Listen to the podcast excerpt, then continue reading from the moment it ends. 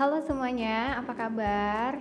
Semoga kita semua selalu sehat-sehat ya, selalu dalam lindungan Allah Subhanahu wa taala, selalu dalam lindungan Tuhan Yang Maha Esa ya. Amin. Cuy, biasanya kalian ngapain sih nih kegiatan kalian sehari-hari untuk mengisi hari-hari hampa kalian?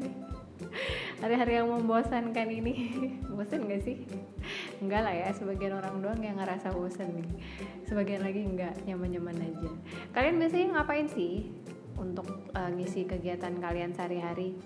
Nonton YouTube kah? Uh, nonton drama Korea kah? Ya kan? Pelakor tuh lagi laris banget nih drama Korea itu tuh. Gue belum nonton sih.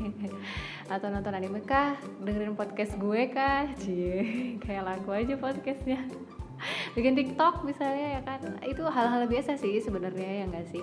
Ada nggak sih di antara kalian yang melakukan hil-hil yang mustahil gitu dalam mengisi kekosongan hari-hari di hari-hari yang menyenangkan ini ya gitu? Ada nggak gitu? Dan kira-kira apa? Kayak misalnya uh, masak gitu kan bantuin mak di dapur gitu terus nyuci nyapu ngepel bersih bersih rumah ya kan? Wah itu fix banget itu fix anak kesayangan mak deh gitu gue acungin jempol buat kalian yang kayak gitu. Keren banget karena gue termasuk anak yang males jadi uh, salut sih gue kalau sama anak-anak yang rajin kayak gitu. Nah bagi kalian yang seneng bersih-bersih ini gitu hobi bersih-bersih kalian uh, berlebihan gak sih dalam melakukan bersih-bersih tersebut kayak misalnya nyapu atau ngepelnya harus tiga kali gitu. Kalau enggak perasaan masih kotor aja masih lengket aja gitu lantainya. Atau misalnya ngelapin meja harus tiga kali juga gitu. Kalau enggak perasaan debunya masih ada. Ada nggak yang kayak gitu? Nah kalian tahu nggak perilaku yang e, memiliki obsesi berlebih terhadap suatu hal atau terhadap sesuatu itu sebenarnya memicu ke dalam penyakit gangguan mental cuy. Nah tahu nggak kalian? Nah penyakit gangguan mentalnya ini ada apa aja?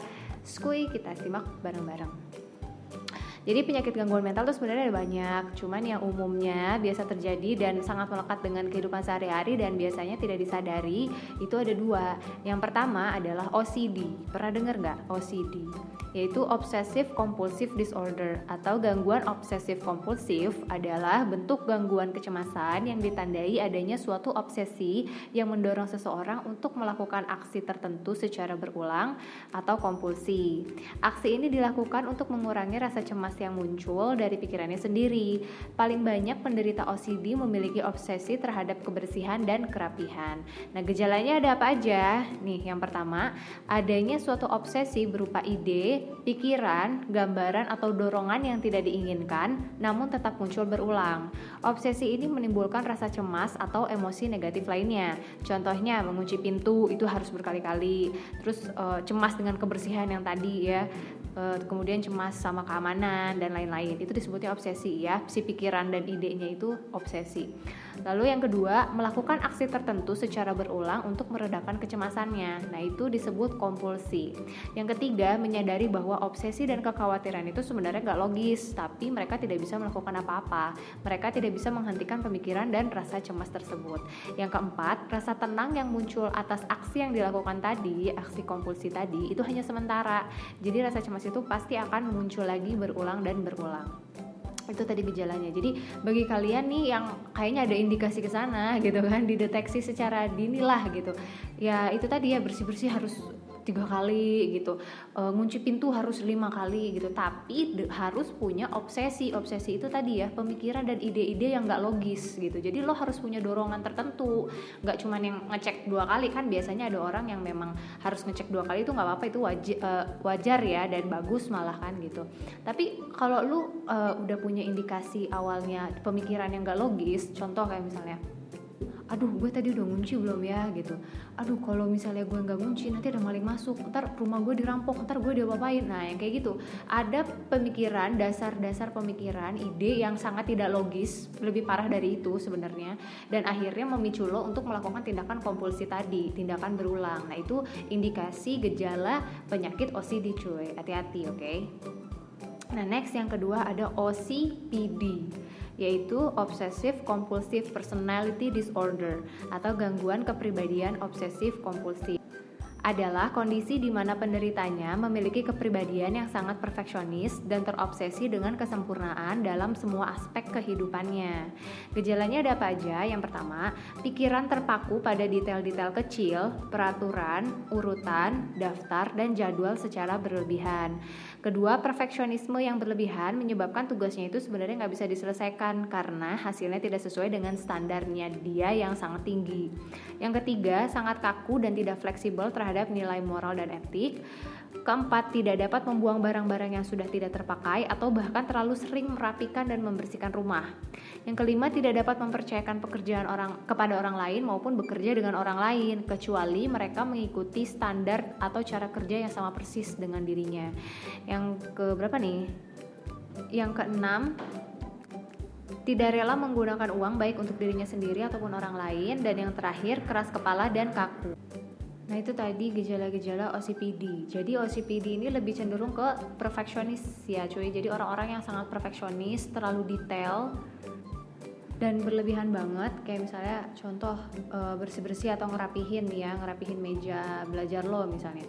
Lo tuh harus nyusun buku yang besarnya misalnya dari 50 cm terus uh, 40 30 20 10 nah itu harus bener-bener detail banget cuy. Yang namanya perfeksionis dia bener-bener detail terhadap urutan ya kan? Tadi uh, detail-detail kecil itu harus. Uh, atau misalnya lo harus punya meja yang panjangnya 3 meter gitu kan. Atau lu harus beli pulpen yang tingginya 10 cm semua gitu. Itu sedetail itu orang perfeksionis tuh nah, termasuk orang OCPD ini. Karena personality disorder ya karena memang kepribadiannya gitu yang mengalami gangguan mental. Dan ini lebih parah dari OCD tadi. Nah jadi uh, perbedaan utamanya apa sih? OCD dan OCPD biar eh, sama-sama paham ya yang perbedaan yang pertama yaitu OCD biasanya hanya dialami satu lokasi atau satu aspek tertentu saja, oke? Okay? Jadi kayak tadi misalnya lu terlalu ter terobsesi dengan kebersihan doang atau keamanan doang kayak gitu. Nah, sedangkan OCPD itu bersifatnya menyeluruh dalam segala aspek kehidupannya. Jadi semuanya perfeksionis kan namanya juga ya kan. Jadi mau kebersihan, keamanan, kerapihan badan dia dan termasuk orang-orang di sekitarnya itu dia bakalan annoying banget gitu kalau kalau misalnya segala sesuatunya nggak jalan sesuai dengan apa yang menurut dia perfect gitu. Yang kedua, tindakan kompulsif OCD itu dilakukan untuk mencegah terjadinya hal yang tidak diinginkan dan untuk menghilangkan kecemasannya. Sedangkan tindakan kompulsif OCPD itu dilakukan karena uh, hanya untuk uh, mencapai standar kesempurnaan yang sangat tinggi. Nah itu tadi yang OCD misalnya lu ngecek pintu, ngunci pintu dua kali, tiga kali itu kan karena memang lu takut uh, ada maling masuk misalnya kan. Terus misalnya bersih bersih karena takut kuman masih nempel gitu. Tapi memang berulang-ulang dan itu memang menyusahkan. Dan lu ngelakuin itu untuk menghilangkan kecemasan lo. Sedangkan OCPD dia pede aja karena memang harus semuanya harus sama dengan standar dia yang memang tinggi kayak gitu. Yang ketiga orang-orang OCD itu menyadari bahwa eh, tindakan dan perilakunya serta pemikirannya itu nggak rasional. Sedangkan orang OCPD dia memang merasa bahwa tindakan dan perilakunya itu yang paling benar hal yang paling tepat gitu. Jadi super pede super keras kepala ya kepala batu banget dan merasa dirinya memang perfect. Itu tadi perbedaan paling signifikan ya antara OCD dan OCPD jadi secara umum OCD dan OCPD itu memang sama-sama memiliki pemikiran yang obsesif dan tindakan yang kompulsif. Tapi sekali lagi OCD adalah gangguan kecemasan di mana penderita melakukan tindakan berulang itu untuk menghilangkan rasa cemasnya. Sedangkan OCPD itu kepribadiannya memang bersifat sangat perfeksionis. Itu cuy. Lantas OCD itu bisa disembuhkan gak sih gitu? OCD itu kan sebenarnya adalah gangguan mental ya cuy dan gangguan mental ini tuh benar-benar uh, membuat penderitanya itu kesulitan menjalani kehidupan sehari-hari. Kenapa gue bilang uh, sangat menyulitkan si penderita ini karena contoh-contoh yang tadi itu kok biasanya uh, kelihatannya biasa aja sih gitu kayak bersih-bersih cuman berkali-kali doang gitu. Atau ngecek keamanan cuman berkali-kali doang. Itu orang-orang penderita OCD itu lebih parah dari itu cuy. Itu contoh biasa. Ini kayak misalnya salah satu contoh ada uh, Nikola Tesla yaitu dia ini penemu radio dan sinar X-ray. Nah dia ini punya fobia terhadap kuman dan ini parah banget fobianya. Dan Nikola ini sangat suka banget terobsesi banget dengan angka 3 itu dia sampai kalau mau masuk ke rumahnya itu dia harus mengelilingi jalan sekitar rumahnya itu sebanyak tiga kali cuy itu harus sebelum masuk rumah. Dan kayak melakukan hal-hal tertentu dia harus tiga kali gitu. Karena dia suka banget sama angka tiga. Udah gitu dia takut sama benda-benda bentuk bulat ya terutama perhiasan wanita. Terus uh, dia juga nggak mau berjabat tangan karena tadi dia takut banget fobia banget sama kuman. Dia nggak mau berjabat tangan dengan orang lain dia nggak mau menyentuh rambut orang lain gitu. Dan bahkan yang paling parah dia itu sampai menghitung berapa kali rahangnya bergerak ketika mengunyah makanan nah lo gila kan? Itu sampai dia hitung cuy gitu. Rahangnya geraknya berapa kali. Itu benar-benar harus detail banget dan harus dapet angkanya dia berapa kali gerak gitu. Nah ini makanya sangat mengganggu banget kan kehidupan dia sehari-hari gitu Nah, OCD ini ternyata tidak bisa disembuhkan 100% cuy layaknya penyakit tubuh ya. Tapi penyembuhan OCD itu ada, umumnya dilakukan hanya dengan tujuan untuk meredakan gejalanya agar dapat beraktivitas seperti biasa kembali. Nah, e, penyembuhan OCD ini ada dua metode cuy. Yang pertama adalah psikoterapi. Jenis psikoterapi yang dianggap paling efektif untuk OCD adalah Cognitive Behavioral Therapy atau CBT. Terapi ini menerapkan metode Exposure and Response Prevention atau ERP. Selama menjalani terapi dengan metode ERP ini, secara bertahap pasien akan terpapar dengan hal-hal yang ditakuti atau yang berkaitan dengan obsesinya. Jadi kayak contohnya misalnya tadi si Nicola, dia suka banget sama angka 3, itu bakal terus diadepin, terus kayak misalnya dia takut sama kuman, itu bakal terus juga dikasih aja dipapar terus sama debu, om yang kayak gitu-gitu. Dan sekaligus dia akan dilatih untuk mempelajari cara sehat untuk menghadapi ketakutan dan kecemasannya tersebut gitu. Jadi nggak cuma ngehindarin doang gitu. Caranya gimana sih? Jadi ya gitu dipaparin terus biar dia mikir gitu harus gimana gitu. Nah yang kedua adalah medikasi. Jadi eh, selain terapi ada juga pengobatan obat-obatan ya Terdapat beberapa jenis obat untuk OCD, tapi biasanya diawali dengan pemberian obat antidepresan.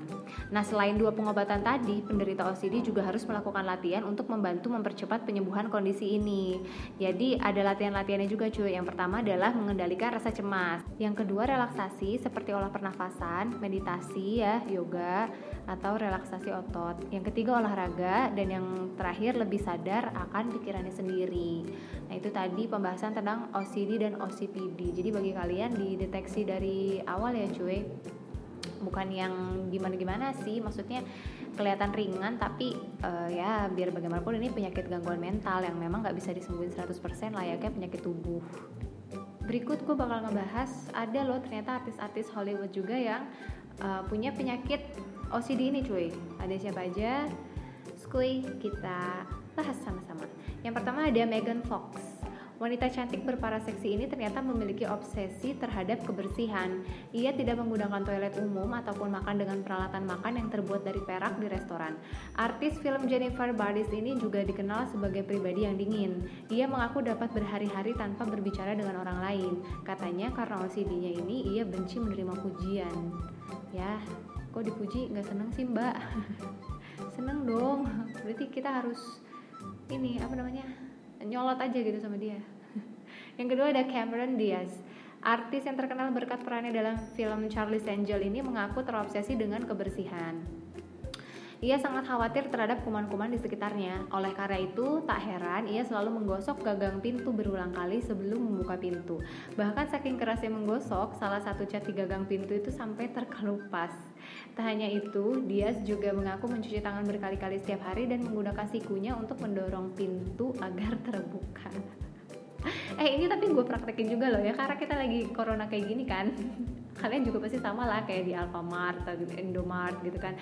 Uh, biasa mau megang gagang pintunya tuh kadang pakai siku gitu. Terus gue juga kalau misalnya buka pintu di kantor di rumah kadang pakai siku karena udah sayang udah cuci tangan kan udah pakai hand sanitizer juga udah ngerasa bersih gitu kocak yang ketiga ada Michael Jackson Michael Jackson nih ya barangkali kan kita sering banget dengar uh, Michael Jackson ini sering banget bedah plastik ya. Nah, tapi tahu nggak kalian kalau hal ini itu dilakukan oleh Jackson karena ia mengidap BDD atau Body Dysmorphic Disorder. Pengidap BDD akan terobsesi memiliki tubuh yang sempurna menurut gambaran dirinya. Karena hal ini, Jackson rela menjalani 30 bedah plastik dan sekalipun ia tidur, make up tak pernah lepas dari wajahnya. Oh, ternyata ada lagi nih cuy BDD. Jadi kalau lu terobsesi terhadap uh, tubuh anggota tubuh lo gitu ya uh, tubuh orang lain juga bisa kayaknya. Itu disebutnya BDD Body Dysmorphic Disorder. Oke okay, next ada Jessica Alba. Tumbuh cantik dan berbakat sejak kecil barangkali tidak ada yang menyangka bahwa Jessica Alba mengidap OCD. Di masa kecil, Alba terobsesi terhadap kebersihan dan ia berjuang keras untuk melawan masalah kejiwaannya ini. Setelah akhirnya berhasil melalui masa-masa sulit, Alba justru mengaku kondisi mentalnya di masa lalu itu membantu karir beraktingnya menjadi seperti sekarang. Next ada Donald Trump. Hah, dia juga OCD? Lah, kok bisa? Donald Trump terkenal sebagai tokoh bisnis, penulis, dan pemilik acara televisi yang sukses. Dengan profesinya yang bertemu dengan banyak orang, sulit dipercaya bahwa ia mengidap OCD. OCD yang dialami oleh Trump adalah obsesi terhadap kebersihan karena ia memiliki fobia dijangkiti kuman dan bakteri. Oleh karena itu, ia takut bersalaman dengan orang lain dan menolak untuk menyentuh tombol lift. Nah ini si Babe Trump nih disebutnya STTB ya cuy, si tangan tak berkuman. Dia nggak mau salaman sama nyentuh tombol lift nih. STTB nih om. Babe apa om? Yang selanjutnya ada si ganteng kalem Leonardo DiCaprio Aktor yang terkenal karena film fenomenalnya Titanic ini punya kebiasaan yang aneh. Saat berjalan kaki, ia menghindari roda permen karet di jalanan. Ya ini mah gue juga iya kali. Bahkan ia sangat berjuang agar tidak menginjak roda permen karet tersebut, sekalipun berjalan bersama orang-orang lain. Karena ia mengaku terobsesi terhadap kebersihan. Leo pun mengaku sering mengulang kebiasaannya berjalan melewati pintu selama beberapa kali. Heboh ya, keluar masuk keluar masuk dong nih. Yang terakhir ada Justin Timberlake. Nah, Justin Timberlake ini punya ke OCD yang aneh karena dia harus selalu mengecek pasokan makanan di kulkasnya setiap hari. Jadi isi kulkasnya dia harus selalu penuh, cuy. Orang kaya ya. Selain itu, Justin juga akan memastikan segala sesuatu di rumahnya ditata dengan sempurna. Tidak boleh ada yang miring sedikit pun. Nah, ini cenderung sedikit uh, perfeksionis ya, OCPD kayaknya. itu tadi artis-artis Hollywood yang ternyata mengidap OCD lumayan mengganggu kegiatan sehari-hari banget kan cuy gitu jadi ya memang harus diobatin nggak bisa disepelein juga ya begitulah pembahasan kali ini tentang penyakit gangguan mental OCD dan OCPD. Semoga bisa menambah pengetahuan kita semua dan thank you yang udah ngedengerin. Sampai jumpa di episode selanjutnya. Dadah bye bye.